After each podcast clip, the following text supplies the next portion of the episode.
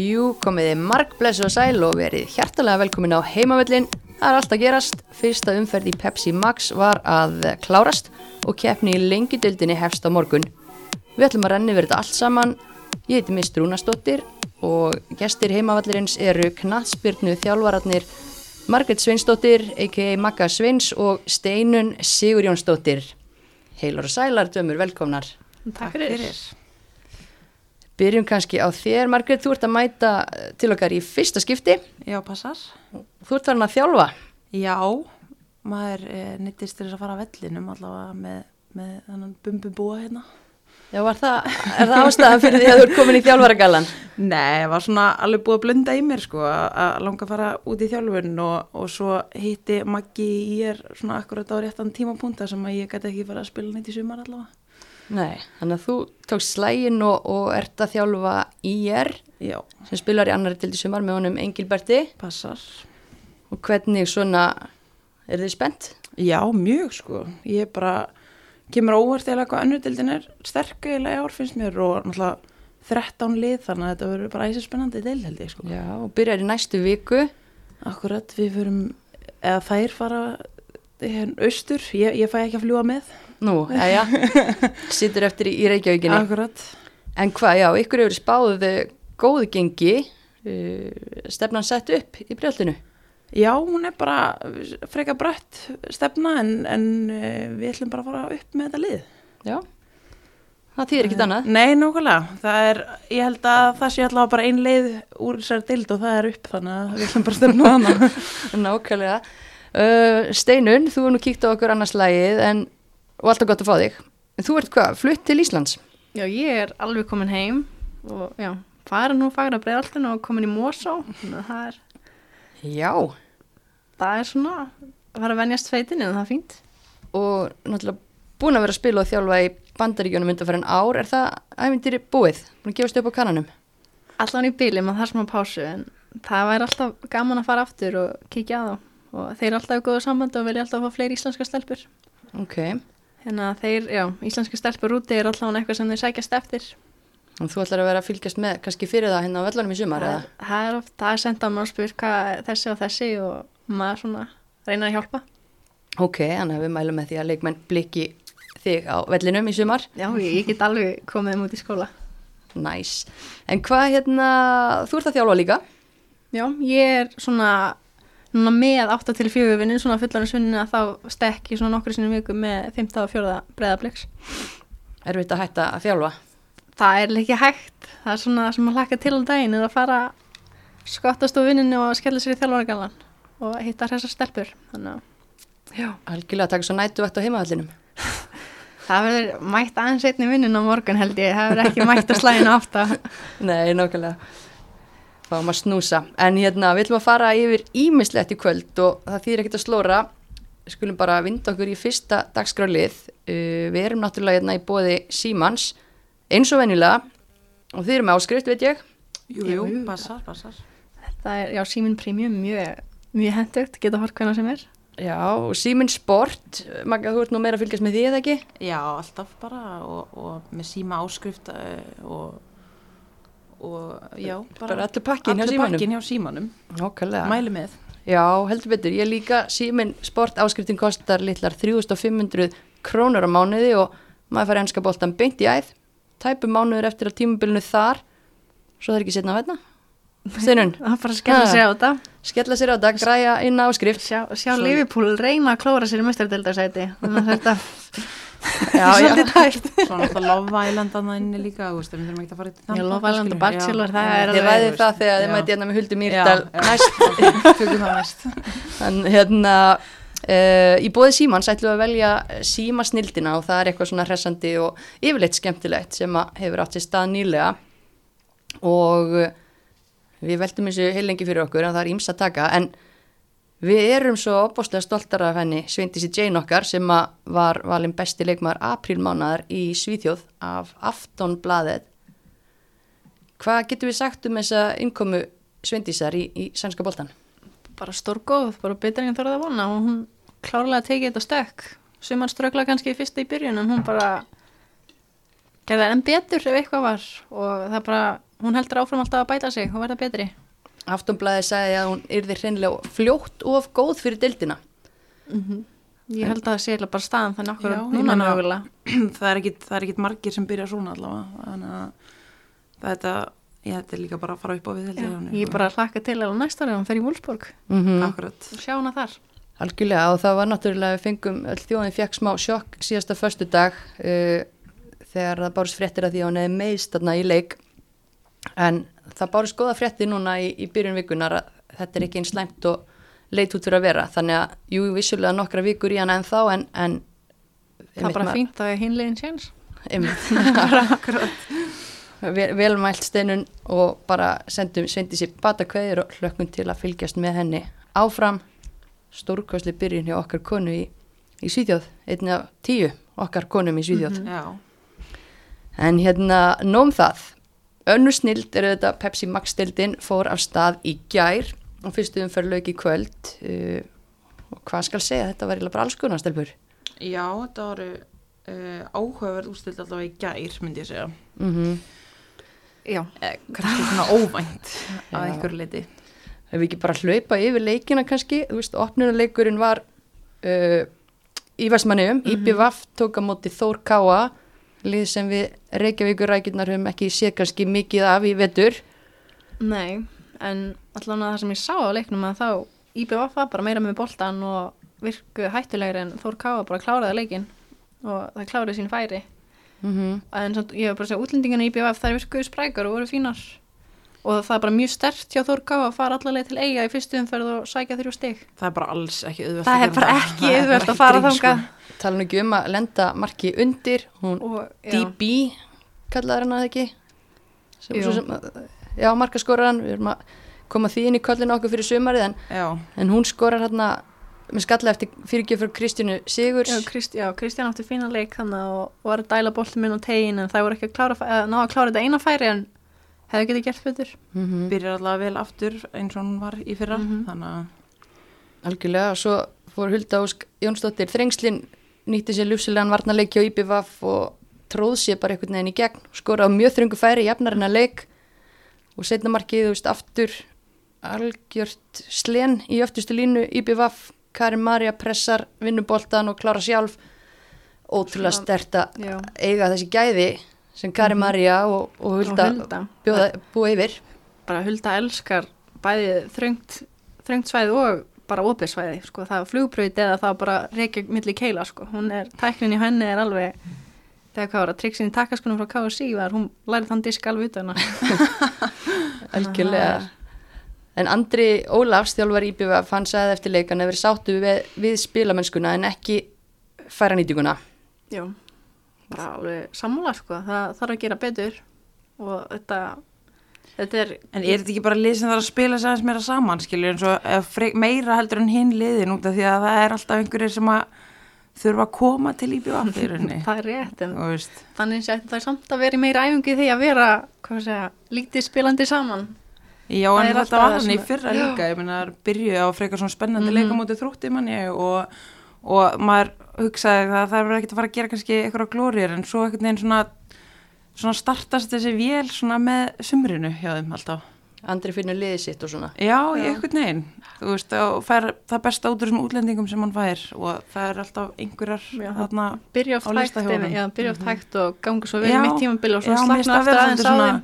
En kvarnast sjá- oft úr svona setni hluta sumars en, en sko með að við en þá eru það einhvern veginn búin að tryggja sér alltaf, Mhm. einhvern veginn nóg svona til það þess er að halda bara- sér já, uppi. Það er eins og það að stjæstunum bara margt með að halda sér dildin. Já, og þeim hefur verið spáð þarna bara í kringum fallsætið yfirleitt held ég áttunda, einhver staða níunda Mhm, akkurat. ég hef ekki séð þeim spáð ofar að ég held það er alveg komin örgulega svona, þú veist, sex ár síðan eða eitthvað þar voru þarna ofalega allavega á töflinu, sko. Mm, það, já, og nú er ártölun alveg að Já, flækjast fyrir manni en, svona, en, Þetta var hérna svona gróft, gróft, gróa áallin allavega.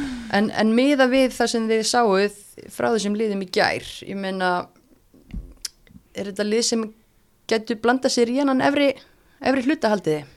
Miða við ús, hinn úrslitin í gær líka þá held ég ekki en þetta er verður svona skipt deild bara en Já. það gæti alveg, ég held að það er IBF og bæði Þór Káa, þú veist, þetta er bara að fara að vera í kringum já, millir svona þriðja til sjötta sætis í þeim pakkanum, miðju pakkanum Þið sjáu þær þar. Þannig að þið er að sjá því.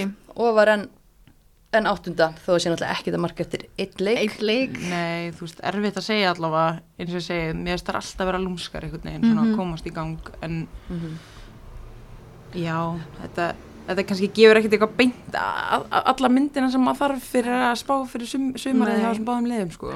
En gott að sjá loksins þessi lið og, og Mhm. rísa þrjú stig heima á Akureyri. Þær fögnuðu þeim eðlulega vel. Mhm. Já, Sækja þetta fólk hefur að tala um að hvernig liðið mun hérna, fungera án Örnu Sivjar í þessum fyrstu leikjum. mhm. Hulda Björg með bandi stígu bara upp og, og þær trukku sér heim. já, Huldabjörg bara frábær karakter og hann bara styrkjaður mitt þegar Arna kemur þannig að þá sjáum við kannski hvernig í næstu umferð hvort að það eru léttalega fyrir Þór Káa múti IVF eða hvort að IVF er þá tilbúinar að hefna Mm kærdægin. skemmtilegt að sjá að þetta er annað lið sem að fyrir inn í ferðalag sem er með fimmannabekk allavega með sér sko líka Já, þú ert svolítið að rýna í Já, bekkina. ég er svolítið að pæli því sko Já, við, við ræðum það betur eftir en sko það var annar leikur í gær og hann var ekki jafn og spennandi eins og þessi eigum. Hann byrjaði jafn og spennandi fyrstu 25 Já. Það var svolítið svolítið fylgiskonni byrjuði betur að mínu mati bregðablík bara fyrstu þeim voru að mikið að missa boltan út af bara út af stressi held ég og bara liðlega töts, liðlega sendingar Munum náttúrulega yngu þannig bara strax á fyrstu mínúti þegar Bryndís pressar á kæruleysa telmu og að hún Já. hefði geta komið um yfir hreinlega. Ma, Já. maður sá svolítið já, tel, telma þar aðeins að minka kærleysir hjá sér það var þó að leikunni gær hafi verið örugur þá var maður stundum mist, það var bara svona hjálp maður inn í sér andanum nokkur sinnum Já, en, já. En hún fór í markið og Hún það fær- var ímislegt svona öðruvísi á blikum við miðum við hvernig liðið spilaði í fyrra. Áslu Munda fyrir upp á hægri kant, hafur hún rakilin á miðjuna í fyrirháleik og svo náttúrulega Ásta Eir Árnadóttir komin aftur úr barnignafrí og hún er komin fyrirlega bandið. já, Já, fór út af hálfleika ekki eða, jú, já. þetta er alveg hvað að segja, bregðablíka núna gomma af bakverðum og svo er bara spurning hvernig á, og mjög góðum bakverðum og það er það góðar að þær þurfa að spila þó að sé ekki endilega í þeirri stöðu og áslumita var náttúrulega alltaf á kanti að hann kom til beðablíks og er hörku góð þar. Og það var, ég mynd sáum hann bara í fyrsta markinu þegar neyra hægri kantum og köttar inn og bara brá geðvikt skot. Mm en Hafrún, hún var mjög duglega á miðjunni en það var smá svona hvort það sé smá bara langt síðan hún spilaði síðasta miðjunni í svona keppnisleik. Og mér fannst hún smá tínd á tímabili en hún var alveg að þú veist, ef hún var eitthvað tínd misti boltan þá var náttúrulega kynna alltaf tilbaka og, bara, og vann það upp En því lít luxus vandamál að segja að áslöfmynda sé auka eða að það sé of margar í bakverði og geta sett áslöfmyndi þá upp á það er, kantinn. það er bara auk, hvað að segja, já Luxusvandamál, það það Já. luxusvandamál og bara það var flott, já, flotti fyrsti leikur hjá bæði Caritas og Tiffany Já, eitt, tveir, selfos, það er báðar á blað. báður á blað, já það var alveg og það myndi að kemst enginn fram hjá Caritas sem bara hleyfið box í box og hörku trukkur hérna á tól Já, og líka Birta Georgs að setja hvað tvö? það ekki. Já, Jú, það var, jú, mörkin, Það það var var, reyndar- mjög auðvelt að skora þeim mörk já en, En- kemur samt, þú veist, inn á, á ég er að horfa þetta, á þetta hérna núna, Já, á- kemur inn á, á- 70. mínútu eða og eitthvað blaði er þetta mjög flott Akkurat. en það er mitt sko En það verður að segjast bara að fylgir sko eins og þú segir. Þær voru fínar þangað til að áslumynda brýtur í sinn hann á 2008. Já. Tiffany er búin að drepa leikin þrema mínútum síðar. það var aftur, þú veist, en við getum alveg sagt að breyðabli komst aldrei gegnum fylgisvölduna fyrir en eftir fymtamarkið eiginlega En ertu búin að drepa líka leikin einmitt eftir tvö mörg? eða? Með Þú við andleysi sem að fylgisliði síndi sko. já, það er eiginlega það sem ég á við. Já, Þú veist, að því að bara fyrstu tvö mörkin, þú veist, það var langskot fyllt af eftir langskoti, hotspilna mísöfnið fyrirgjöf sem endaði inn í markinu. En ég bara Fimm- segja eftir tvö mörg að sjá þetta andleysi, það er ótrúlegt hjá liði sem er spáð þetta ofalega í dildinni og, og maður hefur einhvern veginn trú á þessu liði miklu meira heldur en þetta allavega. Það vildu reyndar fá víti hana í stöðinni 2-0. 2-0, ég mitt sko, ég var í fyrir sjónlínu, ég sá, þú veist, hún datt. Ég sá aldrei snertingun, en þetta leit út sem mjög trúverðug Já, da, ég veit ekki Þú ert þetta bliki, að ég sést er bliki, en þú veist, ég var einmitt bara ég var að leita að snertingun, en sá það ekki en, þú veist, jú, það hefði alveg getað breytt leiknum, en þú veist, fylgir já. átti ekki endilega, þú veist sko, Andrea réð öllu þannig miðinni það var frábært að sjá hana, kemur bara eldheit frá Fraklandi, Mhm. hún bara tók alla bolta í burtu og svo var hún bara, hún byrjaði hvert ein, hver einustu sóknu breyðablík frábær í þessum leik. bara mjög góð og þannig að þetta var alveg um, bara já. En ég myndi, myndi setti hérna já bara karakterleysi á fylki var óvænt í leiknum í gær. Algjörlega. Og bjóst við meira að þessum leikmennum að þetta er allt leikmenn sem að eru þú veist í yngri landsleim og eiga að hafa karakter og hafa lent í erðu leikjum og vera að tapa stort sérstaklega móti svona betri landsleim Mhm. og það er eiga bara að gera betur. En ég vil líka þú veist hugsa að þetta þar hefði aldrei tapað svona stórt ef Berglind hefði verið í vörnun hjá þeim. Og Mhm. þú veist að því að vörnur hundi eftir fymta marki þá bara gata sigti og þú veist breyðbyggstelpunum bara hlupi í gegn. Og þetta var ekkert mál. Nei, En er samt ekki skrítið að sé ekki ykkur sem stígur inn, þú veist, kallar hópin saman og, og bara, þú veist, segir bara, þú veist, hingaðu ekki lengra, skilur, nú tökum við okkur saman í andlutinu stelpur. þær voru vangaður en svo var líka bara einhvern veginn þú veist þær voru ennþá að reyna að mæta blikum hátt réð ekki við að skipla löngu fóki og mér fannst bara einhvern veginn engin skadamingun í gangi heldur frá Nei. Þú veist og ég skil alveg, ég menna kjartan er þannig, hann vill alltaf bara spila sinn leik Já, og já. svona en það er heldur ekki gott fyrir sálatetrið að, að tapa 9-0 sko Nei Allavega ekki með þessum ódýrumörkum, svona frekar ódýrumörkum allavega ætla ég að segja þá í endan að það var bara dekning út í teig, bara, hún farið. það, það, er bara, þú veist, það voru bara hættar Já, það var, það var svolítið svakilegt að sjá Já og um ekki að Tinna Brá að fá hérna, eldskýrt sína í markinu Æ, 17. já. markmaður frábæri lengjudildinni Akkurat. fyrra var flott fram að fyrsta markinu en já, mér fannst, já, þú veist, mér fannst þannig að það er eitt mark sem er hægt að skráa hana og restin fannst mér að allt bara fylgisliðið af fylgisvörnin og bara þær fyrir framann skrifast á þær, þetta skrifast ekkit neitt endilega á tinnu alls ekki. og Þú getur ekki skrifað nýju mörk á og markmann, ég bara- sko. ég- þú veist, ég ætla bara að vona að hún já, bara mæti sterk og með hausin upp í næsta Já, leik að mhm. hún er frábær og á bara að halda á sínu streiki áfram algjörlega, við höldum með henni og, og bara fylgisliðinu minna þær geta miklu betur og, en, en þú veist það er ekki nóg að vita það það þarf að sína út á velli ekki, en bara því þú nefndir að hann að vera offrambóða bakverðum í blíkaliðinu styrir á mikið að miðjumönnum í fylki. Stefania. Ragnars var að spila hæri bak Marja Eva var að spila miðvörð. Já, þetta er, þetta er svolítið svona því að það verður fínt að fá einhver af þeim í, á blikabekkin sko. Blika, blika, blika svona miðjan á milli mjög þunnu skipu það er mig ekki við því, þú veist ef Andrea skildi meðanst að þá er blikarnir mögulega að fara að ströggla í næstu leikjum eftir því. Allir því þú að láta þær fá bakverð í staðin eða? Ég held að við myndum mögulega að henda bakunum okkar hildi þórun á miðjuna og setja það á áslöfu niður aftur í bakurinn, það er eitthvað svoleiðis svoleiðis í gangi sko. Það verður að vera eitthvað, eitthvað skipti þarna svona, frekar það ekki? það er, það er er þetta munurinn á þessum toppliðum og rest eða var þetta stórslis Ég myndi segja þetta sé bara bæði munurinn að því ég hugsaði að mörkin fjallu með blikum í gær og í rauninni þú þarf gæði og reynslu til að svona mikið að mörkum fara að falla með þér og þú veist það kemur bara með reynslunni að því að En núna erum við samt alveg að horfa á fylgislið sem að er alveg margar sem voru í fyrra með reynslu frá því að hafa Mhm. spilað og Ég- ge gekk vel í fyrra í ég fylgi. veit að en bara þú veist eins og í fyrra að þær hafa ekki mikla reynslu að vinna stórlegin, ekkit eitthvað oft ekki marga, að þú veist þannig sé sigurreynslu, það var sigurreynsla sko að miðpartinum og, og þú veist hafa karakter. En stóð alveg í þessum stóru, stærri liðum, sko. Já, en ég er bara allan á því að þú veist, blikandir er bara búin að vera titla á þar síðustu fimm ár, bara síðan Steini kom og núna fyrsta tímpil með Villa. Að því að oft bara stór partanið á í gær, þá var ég bara, við vorum ekkert til að spila spes, en bara, voru gæði í leikbunum og bara kunnáttan sem að við rauninni klára þetta og brutu leikið niður og svo fóru það að leika sér hann í lókin, bara alveg að spila það sundur og saman. og ég hjó eftir að segja við og þá hérna skulum við, skulum við halda áfram og, og hérna að því að voru nefnilega þríleikir í kvöld og, og ef við segja við Magga því að þú varst að spila með Já, þrótt í fyrra við fórum, við fórum norður á krókin í, Nákvæmlega, leik já. og Tindastóll spilar sinn fyrsta leik í eftir frá upphafi það halda allir með Tindastól sko Já, ég ætla, ég vona, Ævintýrinu. ég vona að þetta Er verði það smá ekki erfitt að segja, öskubuska- mist? Er það ekki erfitt að segja fyrir þig? eða? Jú, jú, en þú veist, meira með þrótti skiluru en Já, já. alveg, höfum það bara heiðalegt en hérna náttúrulega frábært hérna afrek hjá Tindastóla að vera komið með liði efstu deild í, Algjörlega. í Maxinu og margir búin að býða mjög spenntir eftir þessum leik þrótti hefur verið spáð svona þokkalega góðu gengi en uh, allan að sex leikmenn farnir úr byrjunliðinu frá því í fyrra og, og svo og góði leikmenn sko. Já, og fjórir X-faktorar teknir inn í erlendur leikmönnum, þannig að maður vissi ekki Mhm. alveg hvað maður var að fara að sjá. Þetta er leikur sem endar 1-1 eftir að Tindastóll eh, kemst yfir, Hugrún Pálsdóttir er svo sem skorar þetta sögulega mark þeirra, fyrsta mark í efstu deild. Já, kemur á hodni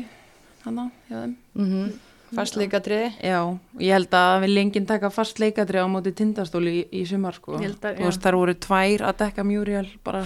Og, og ég held að ég held að hann hafi rökklast af Muriel og fyrir hugurnu sem að kláraði bolta, uh, kláraði færið sko. mm Ég myndi hugsa bara, ég myndi að leikupplegi hjá Tindastóli sé svolítið svipa á íslenska karlalandsliði hjá Lars að það er bara skyndisóknir og fyrst leikadrið Já. sem þær er að fara að treysta á núna í sumar algjörlega og halda bara sínu í vörninni og Mhm. og gera það vel, ég meina þær eru bara með einhverja mannesku sem er ég veit ekki, ég myndi ekki mér langar ekki að vera varna maður á móti Muriel sko. og það er það enginn sem langar, Mhm. mm langar að mæta henni mér fannst þetta að vera bara svona titrallir þegar hún fær boltan svona, og helst Bara- vilja tvöfald á hana framan Mhm. á og, og vera í bakinu á henni sko. Mm að því að tindastóðslið, það er alveg til í að leifa anstæðingunum að vera með boltan, leifa þeim að koma en þú getur aldrei farið að hátt upp með liðið eitt að því að um leið og taparunum þá veistu að honum er flengt fram á eitt stykki í mjög altýrnan Já. og þetta er rosalega óþægilegt að eiga við þú ert að vera með mjög sterka og samstiga varnalínu til að hérna, geta gert þetta án þess að vera mitt á nippinu. Og sko ef það var ekki gameplanið þeirra þá gera þær þetta ósjálfrátt og það ég sá eins og til dæmis ég var að segja að þú veist mér, mér veist ég að var reynda allavega að telja svona sendingarnar á milli tindastólsleikmanna í setni áleik og það eru ekkert mikið fleiri en þrjár fjórar og þá var boltinn farin fram. Og þær eru að reyna að finna hana. Þú veist, það er uppleikið og mér finnst það ekki skrítið þá er með svona marg leikmannan inni Þannig, þú verður bara að spila hérna, þetta snýst um að safna stigum þetta er meistaraflóksfóbolti og, og reynir bara þú þarft ekki að gera þetta eins fallega og, og hægt er sko. Bara En- alls ekki sko. þróttum við miklu meira um eitt possession í þessum leik en við vorum einmitt að ræða það líka að ákvarðanatakan eh, á síðasta þriðjungi, hún var bara mjög slæm. Hún var mjög sérstök. Og hún var ekki, þar var ekki beittar fram á við og veist, þó þær eru þær spila alveg fáranlega vel við miðjunni og láta boltan ganga fyrir aftan og í vörninni og svona en, en já, það var svona það vekur smá svona áhyggjur eða upp áhyggjur að hérna svona senasti þriðjungurinn var ekkit sérstakur hjá þrótti eða núna. Að þetta var styrklegi liðsins í fyrra ég menna þær skora þriðja mesta mörgum í deildinni Akkurat. og reyndar topp fjóri markaskorar allar farnar. En þú, veist, hva, þú varst náttúrulega í þessu liði fyrra. Já, þannig að þú veist eins og að segja skilur að það sé ykkur X-faktor að fá útlendinga í þrótt. Það er ekki X-faktor fyrir þrótti að fá útlendinga út af því að Nick gerir vinnuna sína alveg vel. Þannig að þú veist, ég veit alveg að hann veit hvað hann er að fá þannig séð en, en, en svo þarftu náttúrulega líka að, jú, það er náttúrulega alltaf hap og glapp hversu vel þar passa inn í íslensku deildina kannski. Og ég held að eins og til dæmis þessi sem skoraði markið þarna Catherine eða Katie Katie Cousins já, sem skoraði markið þarna að þú veist, hún var ekki að finna sig eins vel á miðjunni eins og þegar hún var færið síðan upp í tíuna í rauninni, þá fannst mér hún vera svona ná að þræða þess aðeins mér í gegnum vörðina en Hildur sem byrjar frammi hjá þrótti í dag, hún er ekki sóknamar uppliki, þannig að það er, eru augljóslega býð eftir ykkur um öðrum leikmanni þarna, eða er allavega, veist, mér hún standa sér vel í dag en, en En ég held alveg að Nick sé að hugsa þetta eitthvað út frá Lindu eða einhverjum öðrum leikmanni sem er að koma þá mögulega í þrótt. Já, hvar var Linda Líf í dag? Er hún ekki Eh, komin heim eða? Veit þú hvort hún sé ekki komin heim en er ekki byrjuð að spila á fullu aftur. Ok, Og ég held allavega að það er svona orðnar einhverjar orðrúmur eða, eða hvort það sé vil staðfestum að Olla sé að fara hann yfir líka.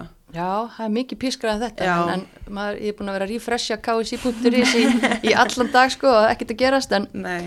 en það myndi ekki, róleg, það myndi ekki veita af en við hjófnum líka svolítið eftir því sko að og vorum að ræða líka það er ekki mikið breytt á bekknum. Þróttu gerir eina skiptingu Isabella Anna kemur inn uh, hún er kannski eini leikmaðurinn á bekknum sem er að geta komið inn og breytt honum eitthvað sóknarlega. Akkurat. En svo náttúrulega ef þú ert komin þá með Lindu og Ollu þá ertu alveg komin með fleiri, þá ertu allavega komin með fullan bekk allavega til að byrja með. ef og hefði, en svo er Já. að því að þróttur var að stopna varalið þarna í SR og er með leikmenn með svo láni. Þú veist, er þetta ómikill sjens Þú veist, það eru þá alveg í rauninni annaflokks stelpur sem að myndu kannski vera í, á bekknum í dag sem að eru þá farnar yfir í SR eða í rauninni búin að skipta. mm -hmm. Þannig það er svolítið svona áhugavert hvort að, hvort það sé bara nóg þá að vera með, Nick getur alveg spilað úr, þú veist, fimm varamönnum sko, en, en það er bara svolítið óvinnilega staða að vera bara að sjá það. en við vorum mjög glæðir að sjá eitt nafna meðal Heldur var, betur. varmanna, Frýrika Arnardóttir Já, bara tek því fagnandi. já, gleð, gleðumst yfir því, hún Já. er mætt á bekkin, en hérna eitt eitt niðurstaðan og líklega bara kannski sangjörn úslit, þróttu meira með boltan en, en það var alltaf við því að búast Mhm. stemning á króknum bæðilið örgulega bara pínu svegt samt Já, ég verð samt að gefa eiginlega svona smá sjáta þetta á hérna á markmannin hjá, hjá tindastól Amber, hún bara stóð sér mjög vel og bjargaði þeim alveg í fyrraháleik að minnstakosti þrísar fjórusunum sko mm. og það er, já, þú, hún held þeim inn í leiknum alveg á einhverjum tímapunktum sko. Hún er alltaf frábær markmaður og klárlega einn af þeim styrkleikum sko, það er, það er styrkleikar í báða enda. Já, akkurat. En hérna Valur stjarnan það var annar hörku hörku leikur sem að framfór í kvöld endar á 2-1 sigri Vals. Flestir að spá valskonum titlinum en þetta var ekki auðvelt fyrir þær í kvöld. Nei, og bara gaman að sjá að stjarnan er að býta frá sér. Það er gefa oft eftir, eða hafa gert það síst ár, gefið eftir þegar lend undir. Svo áhugavert að sjá þetta 3-5-2 kerfi og þannig eina miðverðunum, það er eitthvað svona eh, svolítið áhugavert að sjá bakverðin eða kantmannin settan hann mm -hmm. klárlega að leysa nýja stöðu. Að var þarna með Sóli Guðmund sem að við fögnum til líka, hún er búin að taka skona aftur á hillinu og er mætt þarna og, og, og uh, ekki síður fagnaðar efni að Anna-Maria fyrirliði sé heil til að hérna, byrja þetta tímabil. Búin að sakna hennar undanfærin ár bara, klárlega og hún var frábær í þessum leik. Hún er bara klárlega bara best í þessu liði. Þannig að og, það- já, gott að hún er komið tilbaka. En það var svona, þú veist, mér varst valsliði kannski öflura fyrstu 20 en kannski ekkit ekkit komnar á, á flugi sitt. En Nei. hérna þegar að þær koma svo yfir þá horfum maður á viðbröðuna því að við erum að ræða hvernig mm fylgislið okkur fannst að hafa brotnað í gær. Stjörnulið eldist bara við það að lenda undir og bara einhvern veginn allt önnu svörun þar. Mm, og þær byggu bara til hörku leik og, og hérna voru bara allan tíman inn í þessu. sko. Ég mitt bjóst við, hvað ættu að segja, kannski ekki alveg stórum úrslutum og hjá blikum í gær en ég bjóst við að blikaleikurinn hefði verið svona jafn eins og Valur stjarnan endaði og Valur myndi svolítið bara láti sér sér heyra og segja að við erum mættar á svæðið og taka stjörnuna svolítið bara allan á 3-0 sko en, komum þetta- með smá statement svona Já. til að byrja með. En það, já, við veitum bara að sjá hvernig það er halda áfram. Já, en það er bara vel líka uppsettu leikur hjá honum uh, Kristjáni og, og Kó eins og segir, þú veist, það þéttu tilbaka og, og uh, með vangbakveri hérna hún uh, Sætisrún heiðastóttir vinstramegin, sko hún var frábær í þessum leik, því lík stríðskona sko, að hérna hún stóð sér ekkit vel, út, ekkit smá vel að núti vinstramegin og, og aðeins minna að gera hjá Elinu Helgu hinum megin, en ég hef bara opaslega gaman að þessu, þessari uppstillingu miðjan vinnusöm og svo undir lokin þá kviknaði aldeilis á, á hildigunni og hún er hérna einmitt að minka munin og er alveg nála því að gera eitthvað meira. Sandra þurfti alveg að hafa Hafa Fyrir hlutunum?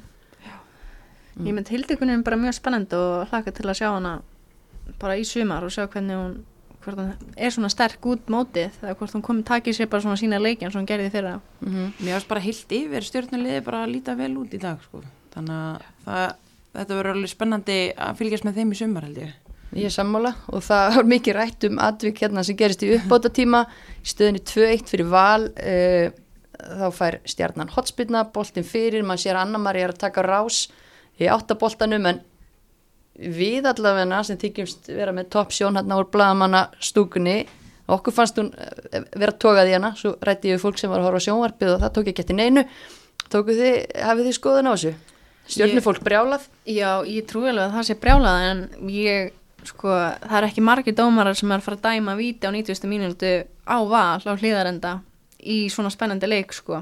Og það hefði verið, já Nei, ég er horfði hann að leiki í sjónvarpinu og það var ekki eins og endursýnt hana eins og, eins og þú varst að tala um að ég hef ekki eins og tekið eftir þessu svona. En já, svo líka bara, já, með stjórnumstelpur þurfa bara að vera meira, ég meint, berjast fyrir sínu ef það eru ekki sátta með ákvörðun að pressa meira dómarar með það. Að þið er ekki bara að vera hei og svo ekkert meir. Nei, það var bara viti, nei, ok Já. tilbaka. Þú veist, að þið vitum einmitt já bara karakterni valsliðinu, ef þetta hefði verið akkurat auðugt og staðan eitt, eða 2-1 fyrir stjórnuna, þá hefði vals, bara allt valsliði bara trillst, sko. byttu fyrir þér bekkurinn Það er líka. Það bara á stúkan og allt að erði. það er reynslu, reynslu munur þarna Já. Það er svona smá áhugavert að sjá MA bara í þessum leik líka. mm Eh, Mary Alice Já, já. Hún- kom, kom til hérna vals fyrir tímbilið, þú spilaði með henni fyrra í þrótti Akkurat og bara frábær leikmaður sem að Valur fekk þarna en sást ekki mikið til hennar í dag alveg Nei, ég það, er, það er ekki gott þeirra, ég meni fantasi sko. ég Ég er líka. búin að búast við miklu Ég held að lítur, ljót- lítur að koma eitthvað meira frá henni allavega setna í sumar Hald, Já. haldið henni áfram inni í liðin ykkar en, en já, Já. Líka meina, ég er Elín mætt að fyrirlið hjá mér sko. ég held ég fyrir hendi fyrirlega bandin á áslöfumundi fyrir næstu umferð sko. það er Já, ekki, er ég eitthvað- þessi staðan hún er skráð sem varnamaður í fantasi sko. En var- sem ég er að pæli að kaupa í fantasy eftir þennan leik er mögulega Anna Rakel Pétursdóttir. Já, hún var að taka hóspinnina fyrir val og þær voru góðar, hún reyndar sagði mér viðtali eftir leika hann fund, ekki fundist það neitt spes en, en hérna, mér fannst Þetta mér herfi fannst sjálfa þetta- sig greinlega. Já, og svo, svo skoraði hann mark og þá sagði hann að til nú allavega hafa með hægri. Þannig að ekki alveg nóg kátt með sig en, en hérna, hún er eitthvað hörðið í sig Já, það er, maður er aðeins að hafa smá balans þannig á milli, maður ekki voru of farður nákvæmlega en Markus stóðsend ekki fyrsta leiki á henni og ég held að hún er bara eftir að vera betri Það- í þessu valsliði. Ef hún er ósátt við þessa framistuðu þá bara Þá veit ég ekki hvað hún er sátt við, sko, hvað-. Já, ég sé það, kannski ekki framistöðuna en hún vildi, var ekki alveg nána með, með spiltunar ég ætlaði að hrósa henni þannig en, en hérna gaman að sjá hana koma hann inn og, og sísi Lára náttúrulega mætt á miðjuna. Mary Alice, já eins og við nefnum allir okkur kannski svolítlum vonbriðum en vonandi bara nær hún sér heilli þú veist, ég held að hún Já. sé bara ekki heil bara hálfur hraða Já, bara vonandi verður hún bara í standi sem fyrst og klári þetta það kannski segir svolítið, svolítið mikið að þú veist, hún er, látin, hún er að spila þá og kannski ekki heil. Það er undarlegt eiginlega að það sé þá ekki ykkur önnur en kannski er þetta bara þessi bakvara staði á valsliðinu sem er ekki hægt að leysa einhvern veginn öðru seldur en Mhm. með þessum tveimur bakvarum þá. Og kannski er hún bara heil og var bara ókslega lélega í kvöld ég, já. þú veist, Mhm. það verður bara Og við setjum á miðslalista einhvern. Já, býðum aðeins með það, við, við hlerum þetta, en hérna 2-1 eh, niðurstaðan og eh, já, valskonur bara sáttar með þessi þrjú stig en ekki sáttar með framistöðun og svona heyrðist manni eftir, eftir leik.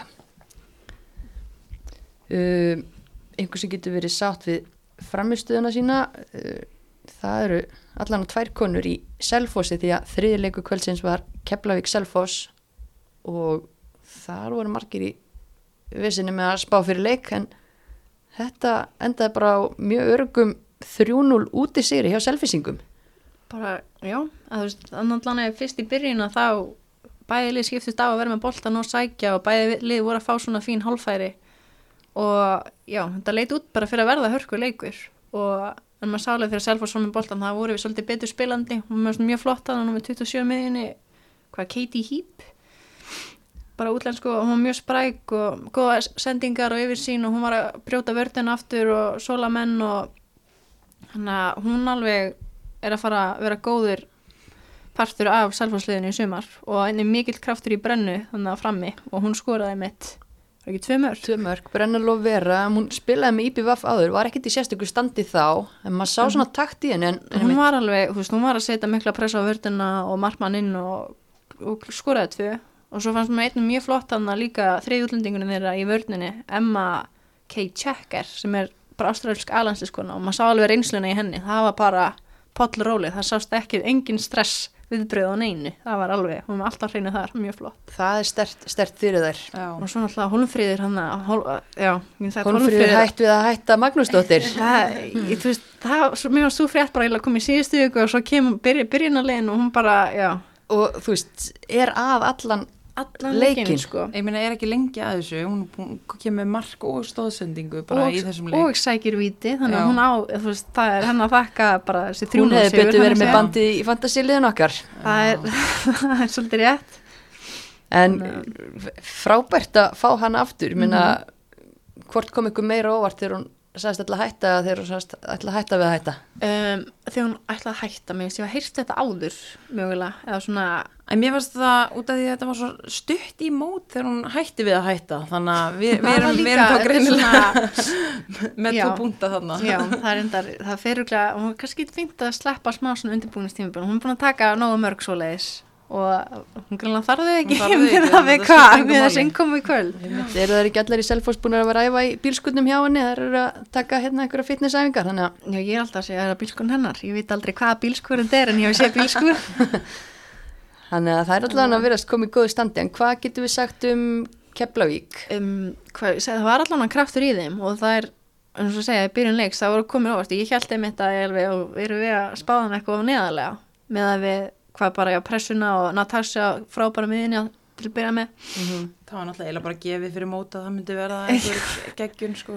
En, en en ég held samt að þetta verði alveg veist, þetta verður alltaf erfitt þetta verður erfitt hjá þeim. Og það er Mhm. mynd bara eru með líka hvað segja, svona margar óreinda leikmenn og er að mynd að byrja, Elin Helena er að by- byrja í miðverðinum er mynd upp, uppalinn bliki og er hann á láni og hún er að fá sjansinn í Pepsi og þú veist bara gegja fyrir hana og veist það er þetta segir svona smá að Keflavík er að byggja liði smá og treysta á svoleiðis leikmenn á meðan önnur liði efri hlutanum hafa þann luxus að í rauninni geta senda þær í burtu til að fá, ná sér í betri reynslu Mm -hmm. þannig að þetta verður, þetta verður erfitt fyrir Keflavík en þær eru ekkert að fara að gefa neina leiki frá sér Nú er ég ekkert búin að sjá neina leikið þarna en hvernig voru útlendingarnir ég, ég sé hérna Abby og, og Selín hvernig voru þær þá í þessum leik í, dag tóku eitthvað til því Uh, ég var á valsvellinum þannig að ég Já. tók lítið eftir því sko en, en Selín var mjög góð í fyrra í lengdildinni, Mhm. bara solid varnamaður og alveg leikmaður að mínum að sem ætti að vera Pepsi leveli en það er náttúrulega líka náttúrulega challenge sem þær Elín Heller er að spila saman kannski í fyrsta mm. -hmm. skipti, það er ekki búin að hafa langan undir, undirbúinstíma Já, Elín Hillan kom hann hún er búin að vera í svolítinn tíma þú veist, það er, hafa, eða, þú veist, það er náttúrulega bara búin að vera COVID Já, en þú veist, hún er samt ég var búin að vera hann í nokkra mánuði en það er samt rétt COVID er búin að vera svolítið að trubla Náttúrulega bara spurning þá hvort að maður sé eitthvað að fara að sjá meira að, að þurfi, þær þurfi einhvern veginn að slípa sem meira saman þá í rauninni en ég held alveg að Keflavík sé bara, já, að fara að geta stríkt liðin hann í miðjupakkanum. Og þannig að miðjupakkin bara mögulega stækkar. Þannig að kannski verður þetta eins og fyrir hvað teimar orðum þegar munaði bara einhverju örfám stigum á fjóruða og tíundarsæti Já, bara í fyrra líka, mm Mhm. veist, það var mjög spennandi þannig fyrir miðju, ég meina þróttu flakkaði á milli þess að vera í veist, fjórða og áttunda sæti Já. á okkur nokkrum stigum sko, Mhm. þannig að algjörlega og, og þú veist, ég heldur mitt að þú veist, það eru flesti búin að tala um að þetta, verði þessi tvö lið og ég minna, ég held að það sé bara nokkuð líklegt. Svo er Já. hitt bara galupi og það er bara galupi hvaða lið vill verða liði sem ætlar að narta þarna. og ég mynd sko í mannin svo hvað við fyrra þá var allir að tala um Selfoss Selfoss er þetta þriðja lið Mm -hmm. svo var það bara, þú veist, það voru bara ákveðin vonbreið og svo var það ekki og ég er svolítið rætt um að það sé að fara að vera saman saman með fylki allan með við leikin í gær og það er bara spurningunni, það er mitt bara takast á við þetta og hvernig það er alltaf að svara þessum leik. Það er pressa á þeim og, og já, að þið viljum alltaf sjá toppar, að topphakkan stækka og ekki alltaf vera þessi sumu tvölið það verður stundum, það má koma spenna í þetta og algjörlega. fá einhver svona lesterlið bara þannig upp og að vinna sko. algjörlega, en hérna svona miða við þess að fyrstu umferð uh, kannski ekki endilega hægt að tala um óvænt úrslit nema bara hvaða að allt og stóra tölur hérna í, í Allt og stóra tölur, mér varst líka bara mjög flott hjá tindastóli með þetta halda stíð, mm þetta var ekki auðvöld stíg Nei, og en, já, annars var hitt svona eftir bókinni bara. Ég hefði reyndar alveg haldið að þróttu myndi taka tindastól sko. En, en þú veist og þær voru alveg svona, mér fannst þær alveg vera með þú veist, þær voru meir með boltan og, og þær voru alveg yfirspilaðar finnst mér. Að mínum að mér fannst það þróttur betri í þessum leik en, en svo bara einmitt já, þú þarft líka að skora mörkin, þannig að það vantaði kannski að það fram á við í dag hjá þeim. Algjörlega. En hvað hérna, þú veist hvað, hvað fyrirhitt gefur þessi fyrsta umferð okkur? Þetta er, já, erum við einhverju nær? nei Mér stíði eiginlega bara að vera nær því að segja að þú veist, þetta verður kannski svolítið svolítið tvei, topparnir tveir og, og svo Já. veit maður eiginlega ekki hvað verður með restnastu þú veist, það, það er ennþá óljóst mm. -hmm. framist að stjörnunar uh, er Já. það eitthvað sem að gefur alltaf bóðar gott en það Já. er bara spurningu um stuðuleika hvort það er halda svona áfram eða hvort það séu svolítið upp og niður eins og hafa verið síðust ár Algjörlega. Þetta er spennandi, byrja vel en það er hérna önnu veisla að fara að byrja og hún byrjar á morgun eða eftir, eftir því hvernig fólk hlustar á hennan góða þáttakar og við ætlum að setja gott af hérna Maxinu í bili og, og hérna henda okkur í smá Dominos pítsu á milli atriða stelpur er ekki hægt að hafa ykkur hérna alveg sveltandi fram á, fram á nótt Nei, nei, við skellum inn í basar í okkur hérna hún klikkar sjaldnast en ég ætla að reyndar að mæla með hérna Vegendary núna, af því að hún er eina af Vegendary. tríópítsunum.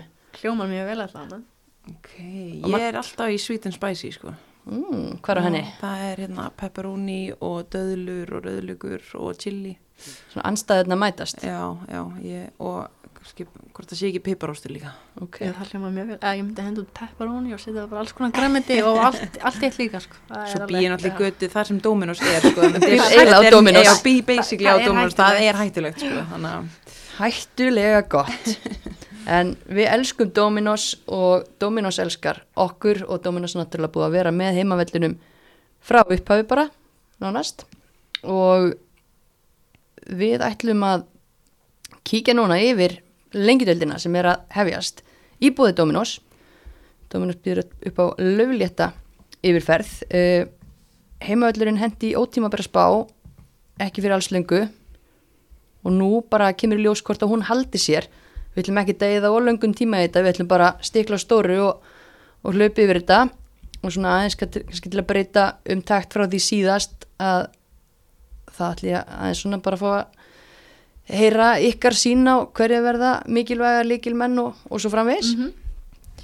en við ákváðum það að við ætlum ekki að breyta botsætinu við erum ennþá með Grindavík þar já, já, passar. bara þetta er að fara að vera erfitt hjá þeim að koma upp úr það er, það er svolítið stórstökk að fara upp úr annan deildu upp í fyrstu og það er mjög mikil styrkleika munur á liðunum þar fyrsta deildin er meira svona sé, jafn pakkja meðan annar deildin er svolítið, já, getur átt mjög létta leiki og átt líka nokkar erfiða mm -hmm.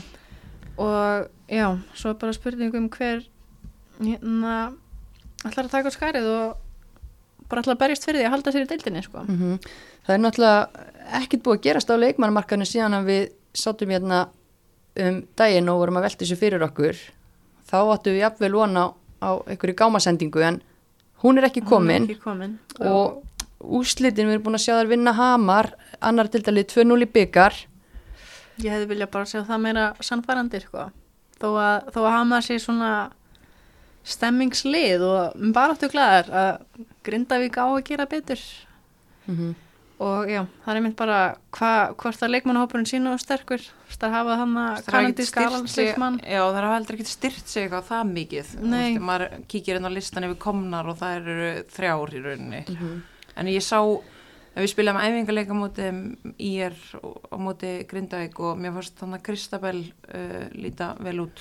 Kanadíska Já, landslískona. já. Mhm. Um, Þannig að það er kannski hún sem þarf að- að skora fyrir þær í, í sumar.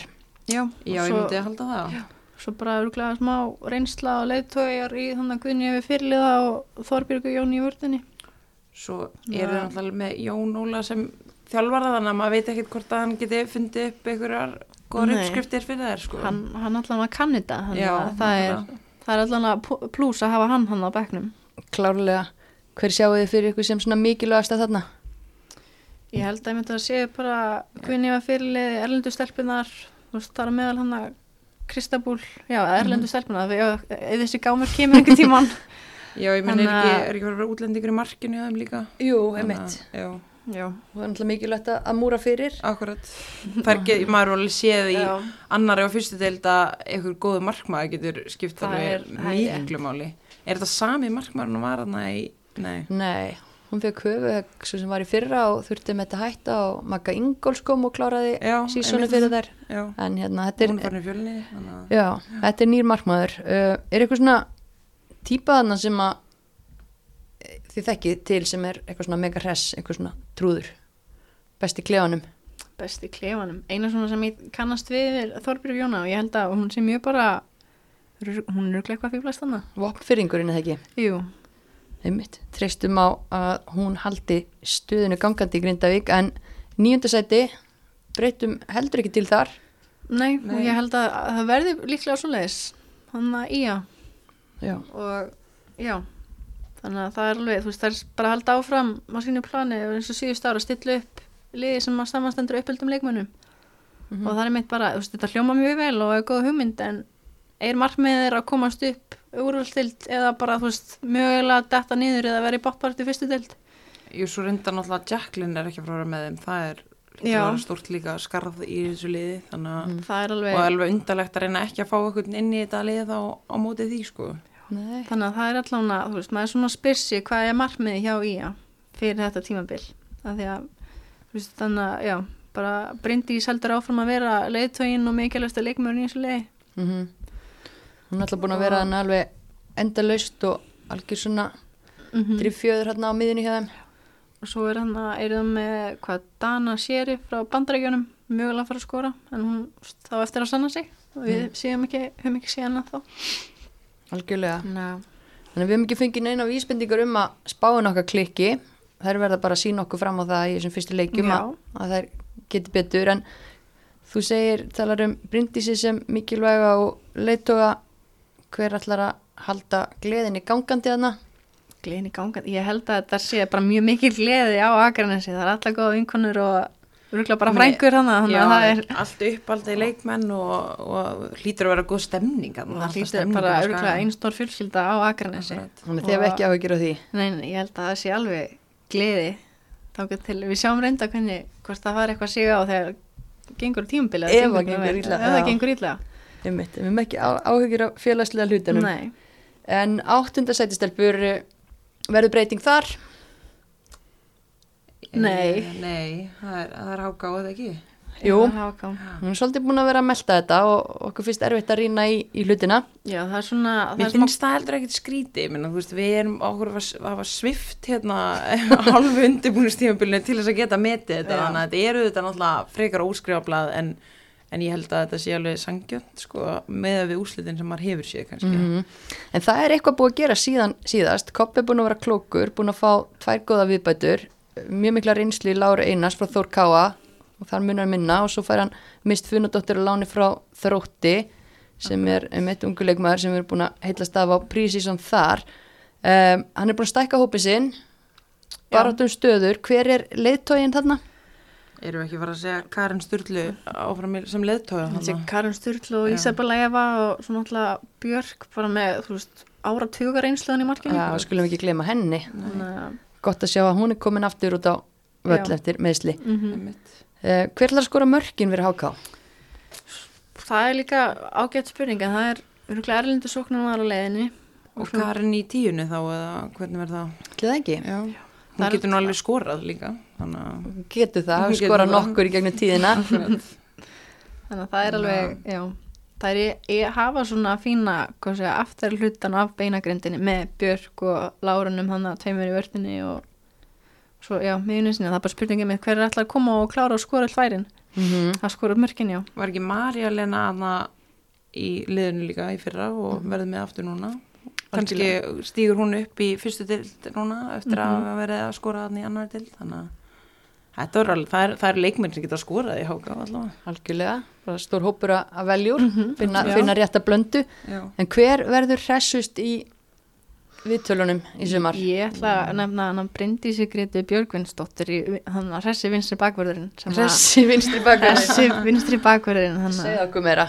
Já, ég ætla hann að, ég þjálfa hann í fleikum þegar hann var yngri og þar það var stutt í grínið hjá henni og það mynd bara pappinar ef allan þegar hún á Kópaksvelli og þetta er, þetta er hress fjölskylda. Hnittin, Já, hnittin stúlka. já.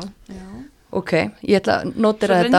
Reynda var þarna Elisabeth sem var í, í fjárðabbi höttu leikni líka og hún skipti yfir líka í háka og ég er alveg til í að sjá hana að spreita sig með háka og komandi úr annar dildinni yfir í fyrstu dild sko. Já, hún verði að Eir. spila. Já. Já, eða beta austaninn sem var alltaf kvæðið í þrótti ég er nóg um hana þetta austan. Þetta er svona eitthvað svona gróu, gróu stemming. Já. Ok, eh, skjálfest, eh, en sjöndasætið, engin breyting þar heldur. uh, ég er að sjá það, bara við erum ekki búin að vera að breyta mikið hérna allavega Nei. Ekki, ekki, neð, ekki neðri partin Nei. en það er mjög gaman um að sjá Viking og núna Háká sem voru saman fyrir Akkurat. hvað tveimur árum núna vera mætt í sömu deil, táka búið að vinna sig upp það er skemmtilegt að sjá þá leiki líka bara Það er held ég að fara að vera svolítið, já, það er að fara að vera skemmtilega leikir í sumar Já. að sjá HK keppa mútið Viking Já, og þetta er svolítið, já, það er held ég að fara bara svona keppnu um, já, hvor, þannig að hvor var að skila betur í samstarfinu þannig já, Einmitt, annar liði búið að spila eitt tímabil í, Í þessari dild og, og hitt í annari dild en það er nefnilega svo gaman að þessi lið mætast einmitt í fyrstu umferð þannig að það verður svona baráttan það um verður alveg, já, hörkuleikur.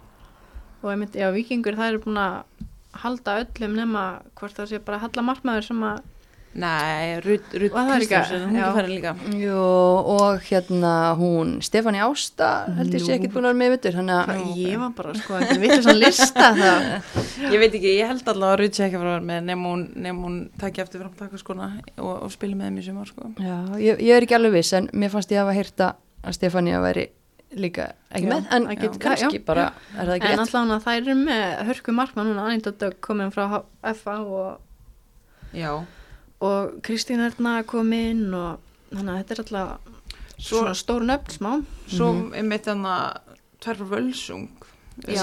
Já, já. Dagbjörn Já, ég er alveg mjög til að sjá þær einmitt hérna að breyta sig í fyrstu Dagbjörn er bara búin að vera leiðtóin á Húsavík síðan hún var bara Akkurat. 14 ára þannig Já. að það er áhugavert að sjá hann að koma í annan lið Er hún að fara að vera leiðtóin í Viking eða um, ég veit hann ekki endilega hvort leiðtóginn en hún er allan að fara einn að þeim og ég held að það sé gott að hafa já. sko, og hún var, ég man eftir hún var hún búin að vera æfastundu með þarna á, á vitna og bara hörka leikmaður Mhm. þannig að það verður skemmtilegt að sjá hann í Viking en svo náttúrulega líka uh, Kristín Erna komin þangað líka og það er nóg reynsla líka í bankanum hjá henni. Algjörlega. Uh, þannig að mér er alveg búin að vera bæta vel við sig vikingur fyrir svona lúmst svona Já, já. ekkert búin að hæpa það mikið upp en þetta eru þetta er þegar maður fer að skoða leikmannalistana það er, já, það er svona nokkuð nöfn sem alveg svona poppa fram. Ding ding ding já. en hver er að fara að vera mikilvægst fyrir þær?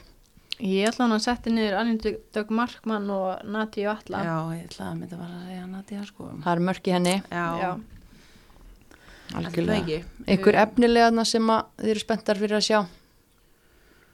Nú þekki ég ekki alveg nógu vel til sko. En ég ætla hann að spá, ég veit að vikingur vikingur er alltaf með og þannig að núna er ég bara já, smá spennt að sjá það yngreflokka starf fá hans að blómstra og já sjá það að fá nokkra að fá sjansinn mm ég nefndi það enna síðast en myndi ég er spennt fyrir samvinnu sko Dagnýja Rúnar og, og Nati upp á topp.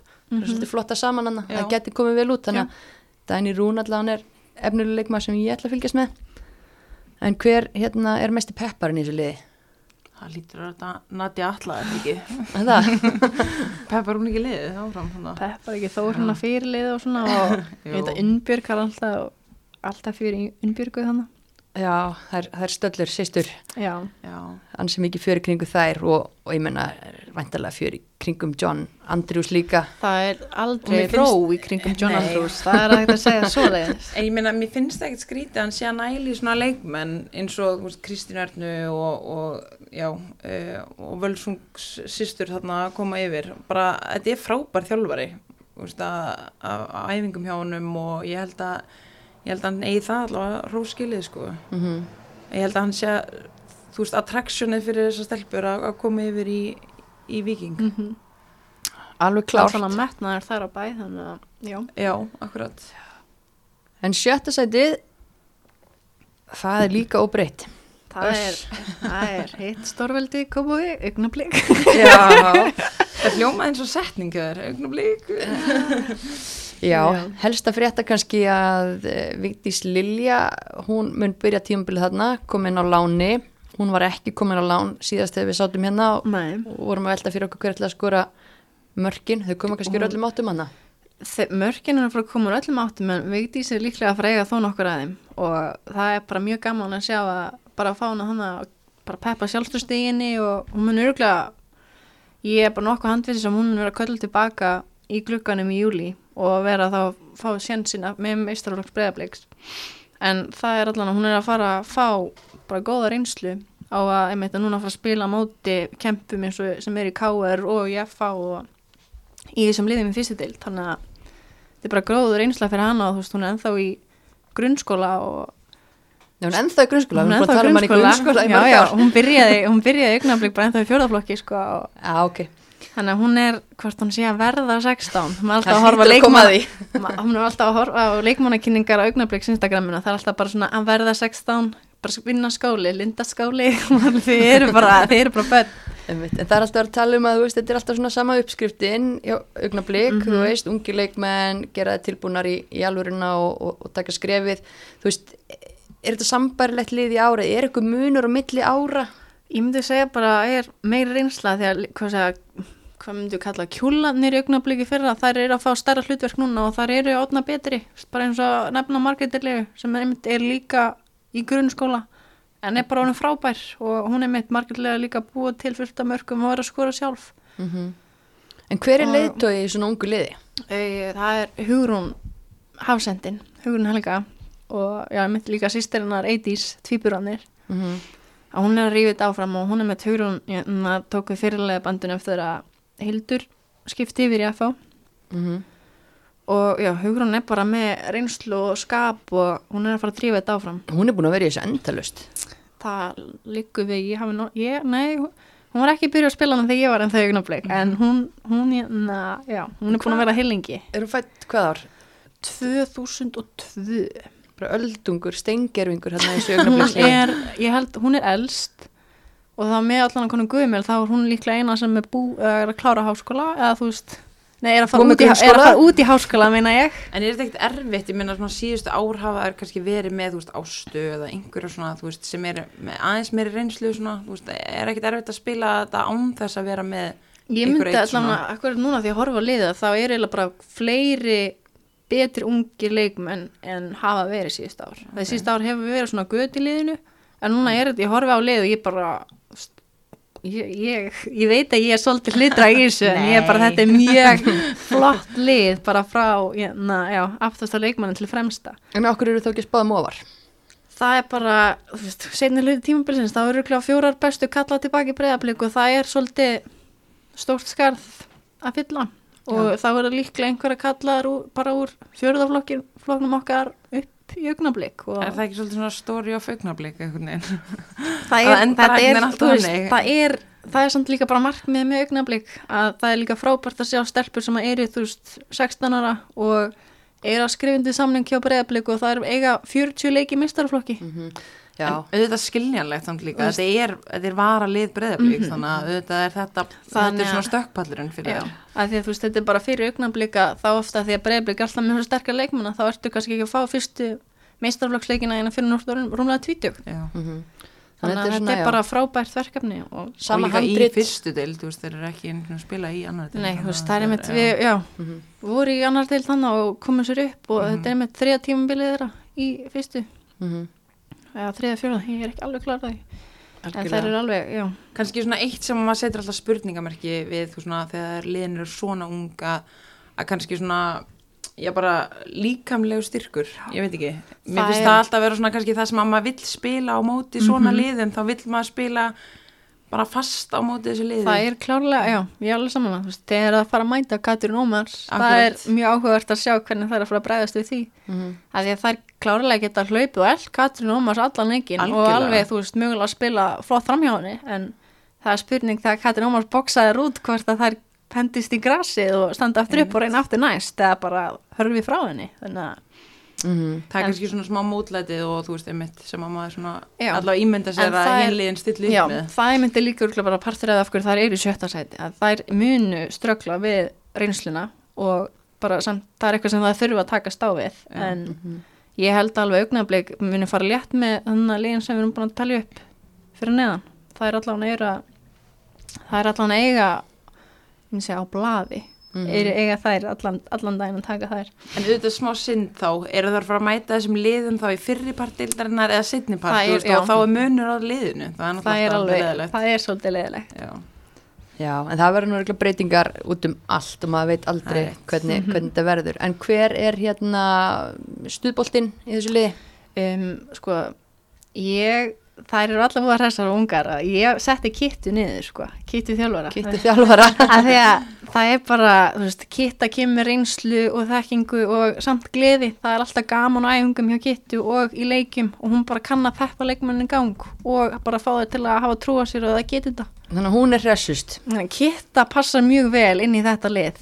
Það hefði, ég veit ekki alveg svona einhver grömpi gammalt kall með þetta lið hefði verið svona smá En mér finnst það líka bara frábært, veist, að því að hún er að vega upp á móti þá kannski, einmitt, veist, þessu reynslu leysi sem ég segi innan mm -hmm. gæsalaba og sést náttúrulega ekki hérna þegar ég er að tala í mæk, en, en veist, þá ertu komið með allavega reynslu mikinn þjálfara á móti. að Mhm. og það er gott. bara flott að með kittu að það er Ulli og Villi sem er mestaraflokk breyðabliks og þetta er samvinnuverkefni að því að margar í augnablik æfa með mestaraflokk breyðabliks þannig að það er oft ekkit ævendala með allan hópin saman fyrir leiki þannig að það er líka svona Já. en þetta er allt bara þú veist þessar stelpur eiga bara fremtína fyrir sér Já.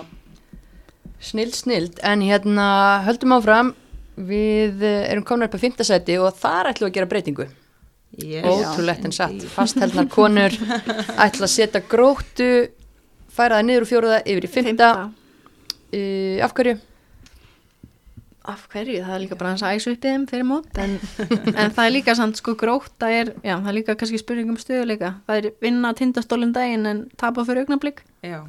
þannig að það er alveg, já, bara einmitt, hvernig þær tækla mót, bara mótæti og er að móti vera sig fyrir leiki. Hvort það þurfi svona stórleiki til að vilja eiga geggjanleik eða keppa móti einhverjum, já, kjúlum og þá fer allt í baklás. Mm Uh, aðeins breytingar en síðan að við sátum hérna síðast það er Maggie Ann Smith komin í markið uh, hún er náttúrulega að leysa tinnubra af og gerum bara ráð fyrir að þessi að sækja góðan markmann svo er að búin að fá erlu áskers frá Altanesi einn af þeim sem er að fara þaðan í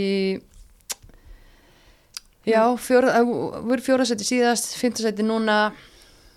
Það er ekkert búin að styrkja sig eitthvað mikið frá því fyrra en ég held bara það heldur samt ekki það það er aldrei ekkert vikst eða þú veist, þetta er bara svipað við fyrra.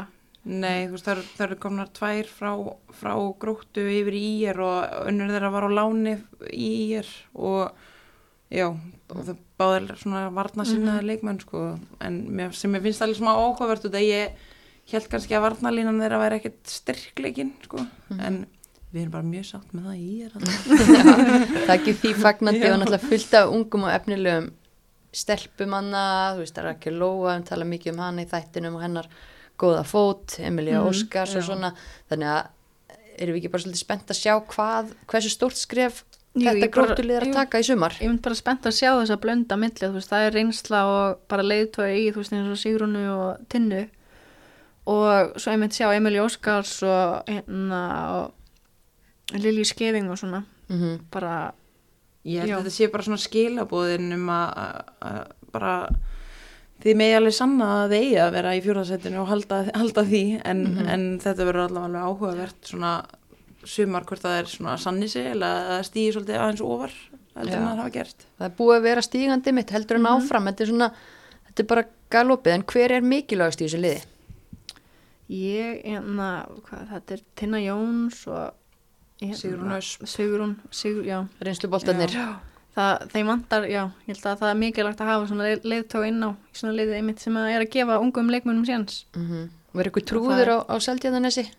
ég segi bara Emil Jóskars það er Sprelligosi. það er, já Er hún ekki, þú veist, 15 ára eða eitthvað? Jú, hún er eina- Já, er, er bara, en það er grunnskóla eða eitthvað akkurat. það er, það er, Það er- grunnskóla stelpunar hérna í, Í fyrstu dildinni. já, Já, bara vel gert Ég menn þetta er líka úst fjórða árið með sama þjálfara eða sem sagt alltaf Mhm. Já, Pétur Maggi, Röggvalds þarna, komin já. með hérna, Magga. Pétur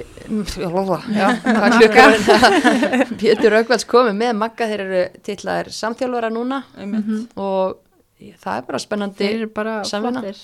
Alltaf gaman að sjá passjónu á línunni sko, Já, alveg ástriða já, Þetta er náttúrulega bara það sem hefur einkend þetta lið er að það er að spila á þú veist, uppöldum mm gróttustelpum og, og það er náttúrulega ótrúlega skemmtilegt að fylgjast með þessu að þetta hefur verið að virka já, þeir það, já, það er einmitt það eru uppaldar gróttu stelpur og eru að sækja sér styrtingingu þegar þarf. Já, þannig að maður horfir svona, ok, ég er með sömu pælingu en það er, eitthvað er ekki alveg að ganga jafnvel þar Nei, og bara að það vant að kemur hann að skarði í markið og, Mhm. og þá fylla er það í rauninni, eða vonamaður er allavega. Já, reiknum með því. Já, en hérna liðið sem við ætlum að færa upp fyrir þær haukar, það er náttúrulega bara hlóu að, að fyrstu spáni okkar.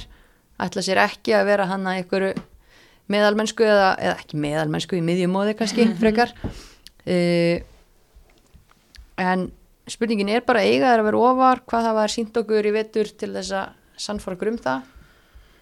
Sko, Það er ég, ekki hægt að segja að byrja vel með því að reyna að samfóra okkur með því að tapa þarna 3-1 í byggarnum núna en, en jú, þú veist, þetta er hörku lið Þetta er alveg hörku lið en samt að hafa mist ég myndi segja tvær bestu stelpunar í fyrra Sæjunni og Sjendi á markinu. Já, þannig og það er klárlega skör sem erfitt er að fylla bara einmitt leiðtóna miðinni og já, og svo einmitt líka leiðtóna í markinu Sjendi var meira en bara, þú veist, markmaður hún var rúglega bara lífsleiðtói, hún var alltaf með eitthvað svona góð gullkorn og að, hérna, já Já, ég held að hún hafi verið meira heldur en bara kannski markmaður Já, hún er bara svolítið verið svona bara það sem hafa horfð upp til bæði utanvallar og innan og mm, Mhm. En hver er þá leiðtóin þeirra í ár?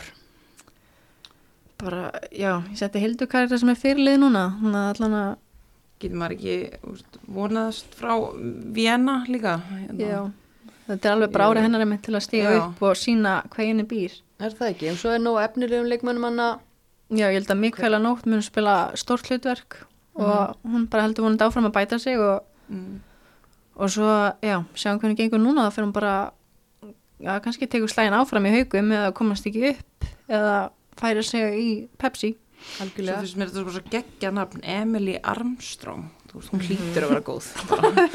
Já, ekki henn að spila en, en, en þetta er töff nafn. En hérna svo er það annan nafn hérna Norkus, Kylie Norkus skemmtilegt nafn, Já. hún er mjög fjölhæfuleikmaður sem er ekki heldur dottin inn og það er eiga hana inni. Mhm. getur spilað kant og bakverð og framherju og ég veit ekki hvað og hvað. Þannig að hún alltaf Mjög ætti að þægilegt að styrkja eiga þær. einhverja svona inni, já, einmitt. Já, smá, smá ekstra og þær voru að fá Lárumist Baldursdóttir á láni líka sem er líka stert hún mm fór á láni til stólana hann aðeins í fyrra og bara mjög flottu miðmaður En er mm. þær eru að fá útlending í markið þá hjá sér eða? Er það ekki- eru sko líka með, er það Emily, Emily, þá? Já, já. ok, ok. og ég var eitthvað búin að ponta hjá mér mér hans gaman að segja hafði þessi komin aftur í markið sko. Já, var náttúrulega, já, fæting 97 og var markmaður í 17 liðinu þeim þegar, já, hjá 97 og 96 ára gangunum já, Einmitt. fyrir hana frá FH, veintilega þá. Já, Beintið það ekki, ég hefur í huga jú, Það ekki. svona, hún finnst alveg batna svona þannig að það er, Já. já, svona comeback smá. Mér finnst alveg áhugavert að vera bæði með Hafdísi og þá Emily í markinu. Um, Flotti markmenn þá eða, En það er alveg að Hafdís ha- hefur alltaf tilbyrðu til ef hún vill verða Akkurat. alveg frábær markmaður, það er bara spurning hvar Gæði, gæði, já. já, Sko miða við markmanna markaðinn hérna á Íslandi þá er eiginlega magnað og allir þá að ef, veist, ef, að- ef, að- já, ef það er komin útlendingur í markið að þú færið það ekki þá rauninni. Mhm. Já, þetta verður fróðlegt allt saman en uh, hressust í haugum ég sagði Kristín Fjóla hún Já. er, hún er hún er stundum lætur eins og hún sé smá hljóðlót en það er, það er sprell í Kristín í Fjólu það er sprell Kristín, við sjáum í gegnum þig. En Harpa Garen kannski? Já, harpa líka alltaf, Já. harpa alltaf hress. Reyndar, það er fullt af flottum já, ég hlaka til að sjá. Hún byrjaði síðasta leik þannig að við myndum að spennt að sjá hvað harpa hlættur að sé kveða í sumar. Mm. algjörlega. En hérna, kerum þetta áfram. Við eigum þá þrjú sæti eftir uh, yngi breyting á þriðasettinu við ætlum að hafa káaringana þar. Já, það er ekkert sátt af við okkur en það er bara eiga heldur ekki að vera sáttar við það. Það er eiga káur á að fara beinustu leið upp. En ég er ekki svo vissum endilega að geri það. Að hérna, bara bæði með að við spila mennskunni fyrra og ástandi á liðinu fyrra og núna þú veist að mistu þó nokkuð marga leikmenn þó það halda alveg reynsluboltum. En samt, þú veist, já, að mitt eins og segir að missa leikmenn, ég menna þú ert að missa Láru Kristínu, Kristínu Ernu Ön- Önnu Kate, þú veist, Þúrdísi Hrönn já, vissulega ert að halda Ingunni, Mhm. Ingibjörgu og Katrin Ómars þá var eitthvað að tala um að, þú veist, já, það er að ná að halda eldri leikmennum það er samt En þetta er í Já, það er bara helmingurinn fór sko. 50-50 en útlendingarnir ekki komnar eða þú veist, þær eru komnar til landsins, þær eru ekki byrjar að spila Mhm. Nei. þannig að maður veit ekki alveg um þeirra gæði en það er náttúrulega mikilvægt að þær hérna, standi sig að því að eh, virkar svona eins og mörkin getur verið vandamál fyrir KR Já, svo reyndar líka hérna, Sandra Dögg er komin aftur og hún getur nú líka skorað sko, Mhm. þannig að það getur verið ykkur, ykkur möguleikar þar. Mér finnst það náttúrulega alltaf búið að vera, eða, það er klárlega það geta allir verið sammála um það að það var vandamálið er að það var engin að skora. Það var enginn að skora. Mhm. Þannig að- En núna kannski bara fínt eins og fyrir Katrin Ómars að taka enn eitt tímabil og spila bara, ég vil sjá hann inn á vellinum, ekki vera að halda svo mikið utan hann svo bara aðeins að sína fyrstu deildastelpunum, almennilega um fótbolta og aðeins að leika sér, þetta í smá á þeim. Þetta verður, hún er bara rugl góð og þannig að ég held að hún muni gera alveg flottar, já, bara mörg flott mark í sumar. Algjörlega, en hver ætlar að skora verður Katrín þeirra helsti markaskorari? Er Já, eða- Katrín og svo, Eða þessi Kathleen sem á að vera sóknarmæðurinn sem kemur það ekki. Mm og svo náttúrulega Hildubjörg, hún var að skora eitthvað í síðustu leikum, þannig að Ég legg til að Sandra seti líka nokkuð. Leggur það til, Já.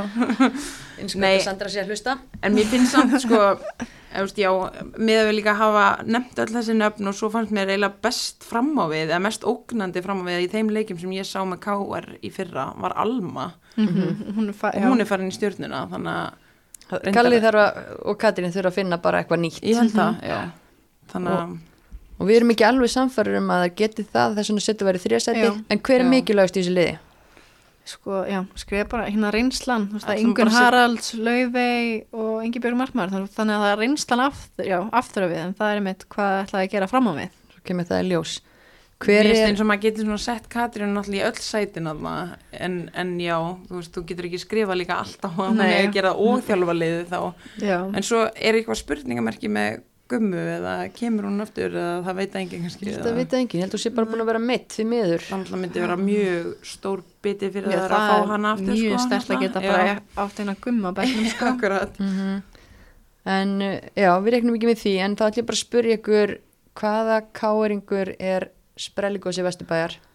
Það er, hérna, Ingi Björg Markmar.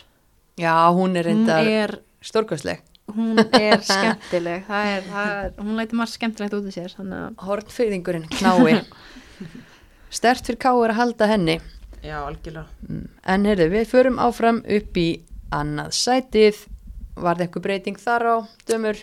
nei, Enn Eða sko, aftur. Erum við ekki að svitsa hérna káir og afturlendingu, var það ekki Belgin?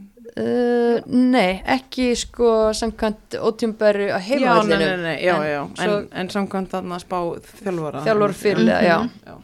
Þannig að við, við stöndum fast á okkar Já. þó að, þó að þjálfur fyrirlegar hafi við erum komið eitthvað annað. sérstakir Já. sérfræðingar hér og Sjálfskipaðir og mjög nettir sérfræðingar. Þannig, já, Akkurat En afturöldingu við ætlum að halda þeim hann upp í öðru, spáða þeim upp, þar voru samfærandi á móti haugum eins og ég nefndu aðan, meðbyrðarna, sterkir elendi leikmenn að koma. Gaman að setja pressa á þær líka bara Er það ekki bara? Jú Svo kemur bara ljós, eða þó ekki smá pressu frá heimavellinum, þá er það ekki tilbúin í þetta.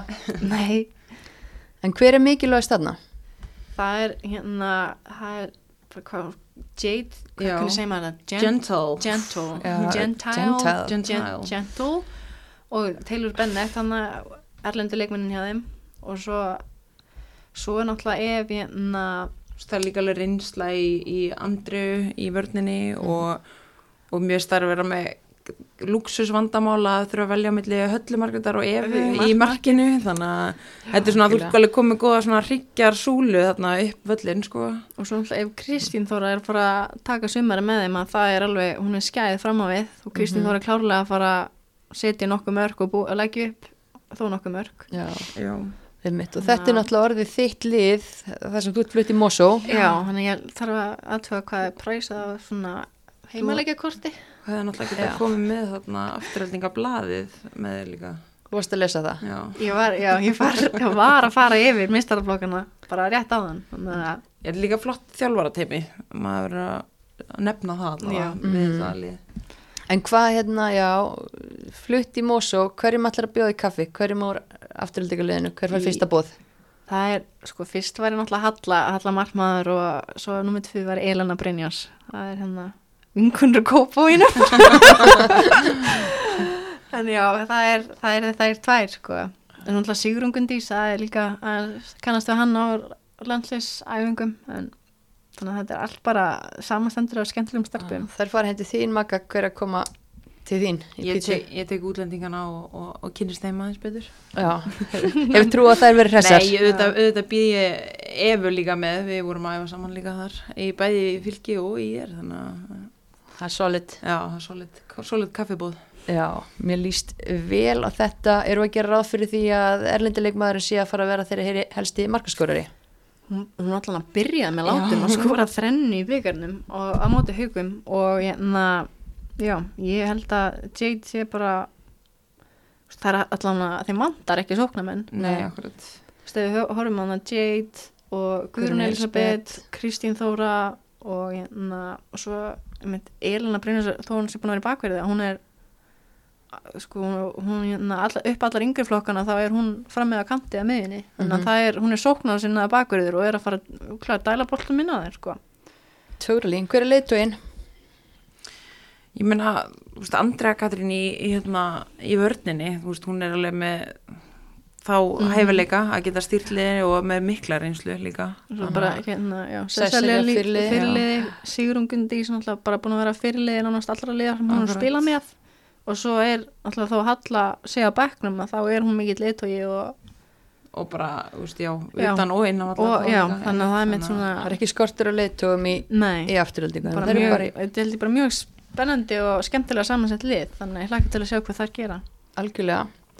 En ef við erum að setja þær í annarsætti það þýðir bara að það er eitt lið eftir og við höldum áfram eins og aðrir að spá Mhm. FH Sigri, fólk hefur mikla trú, uh, nýtt FH lið að mæta til leiks, Já. mjög mikla mannabreitingar, Já, alls ekki sjálfgefið að þær bara gangi upp 100%, þær eru búin að vera flottar á undirbústímulinu. já, það er búin að vinna vel já, það er unni samfærandi hann Tjók. Já, unnu þig, þig, ykkur félagana. Nei, en ég meina að þú veist, það er samt eins og þið segi, skilur, það er, það er, þú veist, nöfn, bara nöfn sem eru farin, þú veist, Eva Mhm. Núra og Andrea og Sisi, þú veist, alla farnar Það er og risanum. svo, þú veist, svo ykkur svona upp, uppaldan líka sem að maður kannski svona, ég held að það hafa alveg verið að vonast til þess að halda áfram, skilur, og Mhm. Dís og Birta Georg og Helena Ósk og hvað, Mm þannig að þú veist, það hefur, það alveg verið skörð í þessu lið, ekki sett skörð í þessu lið, skarði þetta lið núna sem að þeir þurfa að fylla -hmm. En ég sem mitt sá hann sá tvo leiki með þeim, ég sá bæði æfingarleikin þrúttur FH og svo mitt FH IR líka, Sætla minninga. sætlaminninga og uh, já, mér varst alltaf mjög skemmtilegt eða svona spennandi leikmaður sem maður væri til í að fylgjast með í sumar hann að Elín Björg sem er að koma frá haugum og er frammeri hjá þeim það er bara mjög áhugaður leikmaður Hún líka ykkur grátt þarna. já, svona, svona Aðeins. Nei, ég skal ekki nutta, nutta satt í, í, í sárin en, en uh, svo reyndar að byrjast leðilega fréttir að því að Ester Rós hefði verið að meðast. Hún er búin að heyra eitthvað því. Já, hún var allan í gifs á fæti um daginn en þetta er, Þetta var hásin eða eitthvað svona leðinda. Já, nú þekki ekki alveg hversu lengi maður að ná sér að því En en ég held að hún sé ekkit að fara. hleypur ekkert inn á vellin aftur sko. Nei, að að þetta hefði akkurat verið tímbil fyrir hann að blómstra og hún sko bara raðin mörgum Frábær liðstyrkur. hún, já, hún það er einmitt mitt sko alltaf staðið sér mjög vel þegar hún spilar í fyrstu deildinni Já. og þannig að það er bara fínt fyrir hann að komast aftur og skrið og skora mörg en Mhm, það þarf aðeins að býða En hver verður mikilvægst í FH? Ég held að, ég, já, ég myndi gefa Ernu þetta, sko. Allavega Erna og Selma, Selma líka á miðinni. já, drífið þetta áfram Rannvi Bjarnar. Sigrun þetta er, þetta er all, já, margt stelpur sem hafa verið hann lengi Maggi og, var búin að spila báða leikina og Mhm. hún er að koma aftur tilbaka eftir að einhvers batn og ég sá, heyrði líka að Margrét séu að væri búin að byrja að öfa eitthvað aftur þannig að Mhm. þetta er alveg svona, Kempur hana. já, Mhm. algjörlega og auðvelt svona, eða svona þægilegt að hafa svona, úst, reynsluna inn á milli og, og svo ungu leikmenninar að. Já. ég held að þetta verður svona góð blanda hjá FH allavega Já. þannig að mér finnst ekkert skrítið að vera spáðið átt, sko Nei. Nei, ég er bara að segja líka að ég er mjög spennt að sjá Elísulunni hann að fá stærra hlutverk að hún var að koma inn á í Pepsi í fyrra og oft bara fyrsti varamæður inn á og hún er veit líka bara grunnskóla barn, eða hvað hún er? Grunnskóla barn. hún er, hún er að mörkunum verið grunnskóla mennskóla, ekki alveg, ekki alveg kláraði en hérna, hún, já, ég hlakka til að sjá hún er alltaf upp fyrir sig bara Ekki frá því á- 2005 bara ég eins og þessi 2005, jú stöllur hennar. Jú, en ég meina, úst, maður skoðaði hann bekk þarna uh, á móti í liðinu, úst, hjá FA og þar voru allar sko 99 til 2004 en 04 Mhm. model og ég held að meðalaldurinn á bekknum hafi verið einmitt 18 ára. Það er, þetta er alveg, þú veist að fyrir með unglið en, en það er bara pressa á unga liði þá að komast upp. Mm Mhm. Svo- Algjörlega. Svo en bara vona líka sýstirinnar Elísu, Andrea Marí komi tilbaka úr meðslum Mhm. mm Frábær leikmaður líka. Já. Þannig að, já, Totally. En hver er steikin í FH? sko, það er Selma Dögg og Rannveig. Já. Nei, ég segi ég svo. þekki Þannig að Steikin. Nei. það er, það er þessi finna, það er skemmtilegt Ég, ég myndi meina segja- á mjög jákvæðan. Það er mjög jákvæðan á, þú veist, það er bara, það er ákveðin steik hvernig hérna, Selmóti og kemur tilbaka og er Það er bara galið, það er sko. bara eitthvað rugg hún er, eitthvað. hvað, hún er búin að komast fljótt tilbaka og Já. bara með kvelli sko. Já, vel gert Selma, en uh, ok, þannig erum við búin að hlaupa kannski aðeins hægar, við erum hérna, ekki mikið lífið ferða á okkur en allt í lagi. Hvað? en hérna áður en að við, við, við slútum þessu þá ætlum við að taka smá hérna Dominos loka peppa á þetta og ég vil fá að heyra frá okkur og við ætlum bara gera þetta hratt og öruglega hverjar fimm verða markahæstar í þessari deild? Sér að Víena Benke og Haugum ég klárlega. Ég myndi segja mögulega Elin Björg úr FH, setjum bara pressu. ok, það er einhver að skora mörki fyrir þær Þannig að Jade Gentle úr afturheldingu það er að heyra hvernig maður ber þetta eftir nafn fram já, að segja, segja Nadja Alla úr Viking. já, hún var í topp 5 í fyrra þannig að Já. hlýtur að vilja gera það aftur og já, svo hvort Ykkur þarf að skrifa, skora eitthvað mörk hann í káir samt. Voru við ekki að nefna ykkur nöfn þar? jú, Jú, hver, hver er að gera það? Katri. Kati, já, Kati náttúrulega að sjá að Já. mínus þetta þarna það er alveg ekki að já, sjá hvort að ég- erlendi leikmaður gera það en, Já. en mér langar svolítið að henda einnig sem er búin að vera þetta á prísíson í þessa lúpu og, og það er Guðrún Elisabeth í afturhaldingu. Já, það er alveg klálega, það er fara að vera alveg, já, nokkur afturheldingar það er allan afturheldingar frá að skora mörk í sömur Já. ég held að það sé svolítið klárt. Við pressum á það. En uh, fimm efnilegustu leikmenn deildarinnar í sumar Steinur, þú tekur þetta. ég skal renna yfir þetta, það er alveg sko barna kvíslarinn Já. Æ, nei. Bara ekki að byrja lestur en hérna, já, bara mikil nótt í haugum, náttúrulega stóðst þið frábærlega fyrra og bara vonast til bara svipuðu ekki betur en hún í ár mm -hmm. Elisólana F.A.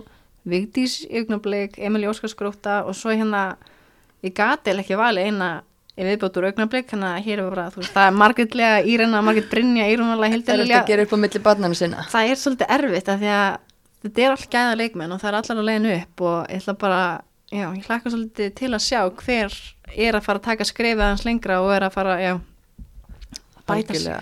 þannig að, já. En nú er ég kannski búin að skemmi þetta aðeins með kaffibúðan í Mosó en þá bara tökum við afturhaldingu út fyrir svegan hvaða fimm leikmenn eru þær fyrstu sem þið myndu bjóða í partí? Við erum að tala um einhverja hressa, stuðbolta Sko, gó- góðan balans. Reyndar þá glemdu við aðal partipinnanum í eftiröldingu og Rutt Þórðar var ekki að lista. Ok, en hún er búin í þetta partí. Fyrst á gestalista Rutt Þóruðar Þórðar, Bara út af að þú sagði kitti. já, kitta Þórðar og kitta eru mættar. Og Þjálfarpartí, ok Ég náttúrulega er bara myndi þeim í partí sko, ég meira fyrir að þeim í partí sem ég þekki sko, þannig að það væri mm. mestmægnast úr kópóin, ef ekki tekið brindisi þannig úr HK og við skulum taka hérna Þú eru að taka tvær sem þú þekkir ekki neitt. Þekki Lifa ekki litul ég er að Unnbjörg úr, úr já, Viking. Unnbjörg og Víking, Já. það er alltaf að vera fjör. Ég held líka Jade Gentle Hún heit hann Gentle. En það eru aftur komnir í Mosó, það eru að hægt að bjóða Já. Mósfellingum í partí. Er ekki hvita rittarinn og eitthvað í Mosó? það er veist? að loka honum. Það er skand ég, já, það er, engin partistær í Mosó. Eða jú, fyrir hann að barján ég býðum að barján Já, en þú mátt ekki bjóða fólkjur afturhaldingu Hverjum býður í partí? ok, þá ætla ég að bjóða einhverjum Amerikanum mér finnst Amerikanum svolítið skemmtilegir eftir að verið þannig úti í rúm fjögur ár Þú ert rosa erfið með þetta Er þú svona stíf á gestalistanum, Magga? Nei, ég menna, ég held, að, Ég ég skal- held til dæmis að Karin Sturlu væri algjör Já, partipinni hún er- ég, ég kýs reynsluna í partíum sko frekar já, ég tek bara hérna Bryndís úr í, já ég er hans að spjalla við hana sjá hvort hún ætla ekki að fara bara að koma sér eitthvað pepsilið sko. Það, er, ok. það held ég sér, sé- já, ég held að það verið fínt. Já, ok, þannig að þú ert að selja svolítið í gegnum hennan þátt líka svona já, það er hans, hans að peppa bara, aðeins leikmannum ég vil sjá Bryndís og Bryndís var alltaf bara einn af topp leikmönnum alltaf í bara í sínum árgangi og ég vildi sjá hana taka stökkið. Þú ætlar að ræða þetta við hann í ég partíinu. ég þarf bara að ræða aðeins við hana. Þetta var og henni eina kökusneið Þetta Þetta verður skemmtilegt partí er mjög, mjög skríti partí. Það Allt, það er- öðruvísi partí það en ég hefði í huga. það er Já. pottur í Mosó þannig að ok. það er bara pottapartí og svona. Anita í Viking líka, ég held að hún sé góð í partí Það er sko. Anita, já, hún er ok, já. En mér líst ekkit á þetta partí. Ég ég ætla að setja í lás Og hérna bara fá að heyra hvernig var En uh, síðast en ekki síst Stúlkur uh, Við erum ekkert að hafa þetta einhverja fimm Við viljum bara fá nöfn frá ykkur Hverjar eru kandidatar í að vera bestar í þessari dild? Hver er að fara að bossa þessa dild? Sko, ok, nú fer maður alltaf svo mikið yfir í eitthvað liðin en ég myndi, veist, ég get örglan, ég, ég ætla að segja samt þrjúnöfn þá ég fá. Já, Ég ætla að segja Ernugurnu og, og Selmi Dögg og svo langar mér líka að segja Sigrunella. Ok, comeback hjá henni. Já, hún leit vel út í þessum leikjum sko, þannig að ég er spennt að sjá hana í sumar. Ok, Ég held að mynd líka bara, já, svo Vína Bengi, þú veist, hún er að fara, veist, ef hún er ekki áninn sumar, þá er haukar að fara að ströggla og allan með mörkin, hún hefur hæfileikana. Klárlega, og ég ætla að segja mjög sjokkrenda nafn í káður. Ok, hvað er með það? Katrín Ómars. Nei, en, en líka kannski Ingi Björg, ég ætla, ég ætla að henda því líka frá. Katrín og Ingi Björg, það er alveg, ef Katrín er ekki að fara að spila mikið í sumar, ég, þá er þetta að fara að vera erfitt fyrir K.R. Hann hefur Katrín að fara að spila mikið í sumar þá er hann kandidat í að vera best í dildinni. Já, Ég held það. það er Gæði í gegn, ok. er- Já, og Verður Ingibjörg besti markmaðurinn í dildinni? Já, ég myndi, ég myndi segja það. Þa, það er alveg, kló, þú veist, þetta er alveg Anita í, í hana, Viking, hún er náttúrulega búin að eiga nokkur tímabil í Pepsi, Einmitt. bara eins og að, já, Svo veit ég ekki, sko, er ekki FH að fara að fá líka einhvern, markmann reyndar? jú, Jú, Þetta, F var náttúrulega að fá þrjá útlendingar sem við vitum ekkit um. Nákvæmlega. Þannig að það er alveg líklegt Já. þær eru að gæða leikmenna að þær getur blanda sér í þessi keppni. En, Algjörlega. en fyrst við erum að spá afturöldi ykkur góðu gengi, hver getur verið stjarnan þeirra í sumar? sko, það er, ég held að sé að fara að vera bara fremstu fjórar hjá þeim, þú veist, allan að Jade, mitt er bara allan að Já, svo vorum við að tala líka um hana, Taylor Bennett. já, að- Taylor Bennett, já, og Hún hérna, er frábær síðast sumar. Kristín Þóra, ef, já, ég er bara eftir að heyra því hvað hún, hérna, hún allan, ef hún er til staðar, þá er hún að fara að vera eina af þeim besti í deildinni. Já. Svona alltaf Guðrún Elisabeth og, já, bara þetta kombo þannig fram á við. Og þannig að við erum með fjórar það byrjar að tala um Mosó, Já, þá bara, bara. allir Moses bara nefndur. Já, já. En já, mér líst vel á þessar tilugur hjá ykkur og svo er bara, kemur í ljós.